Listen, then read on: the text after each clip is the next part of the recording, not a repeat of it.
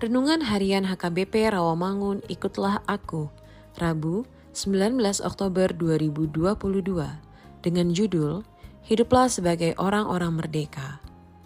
Bacaan kita pagi ini tertulis dalam Lukas 10 ayat 17 sampai 20. Bacaan kita malam ini tertulis dalam Galatia 2 ayat 11 sampai 21.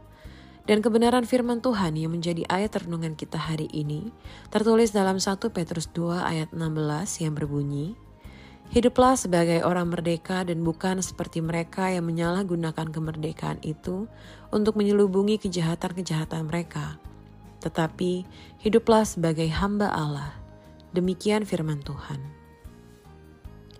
Sahabat ikutlah aku yang dikasihi Tuhan Yesus, Sudahkah kita dan semua pribadi di antara kita tidak menutupi atau menyelubungi segala kejahatan, tetapi hidup sebagai hamba Allah yang hidup merdeka, bijak, berbuat baik dan kebajikan, dan tidak menyalahgunakan kemerdekaan untuk berbuat kejahatan, serta menghormati semua orang, mengasihi saudara-saudara kita, dan hidup dengan penuh rasa takut akan Tuhan.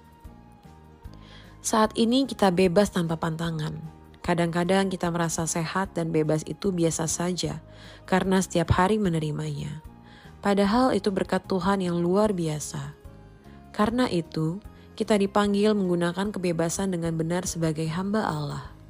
Sebagai orang yang sudah dimerdekakan dari dosa, mendapat anugerah, keselamatan kekal, dan tinggal di negara merdeka, hendaknya kita menggunakan kebebasan dan kesehatan untuk mengerjakan segala sesuatu yang mendatangkan kebaikan. Sebagai orang yang telah dimerdekakan dari dosa, kita benar-benar dituntut hidup benar sebagai manusia baru. Artinya, kita tidak lagi hidup menurut keinginan daging, tetapi tunduk kepada pimpinan Roh Kudus. Orang yang takut akan Tuhan menggunakan kebebasan dengan berbuat baik. Orang yang duniawi dan bodoh menyalahgunakan kebebasannya untuk hidup dalam dosa. Jika hari ini kita dikaruniai kebebasan, Apakah yang akan kita lakukan untuk menghasilkan karya-karya yang positif?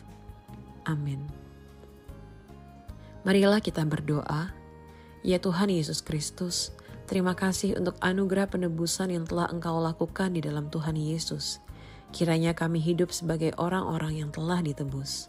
Amin.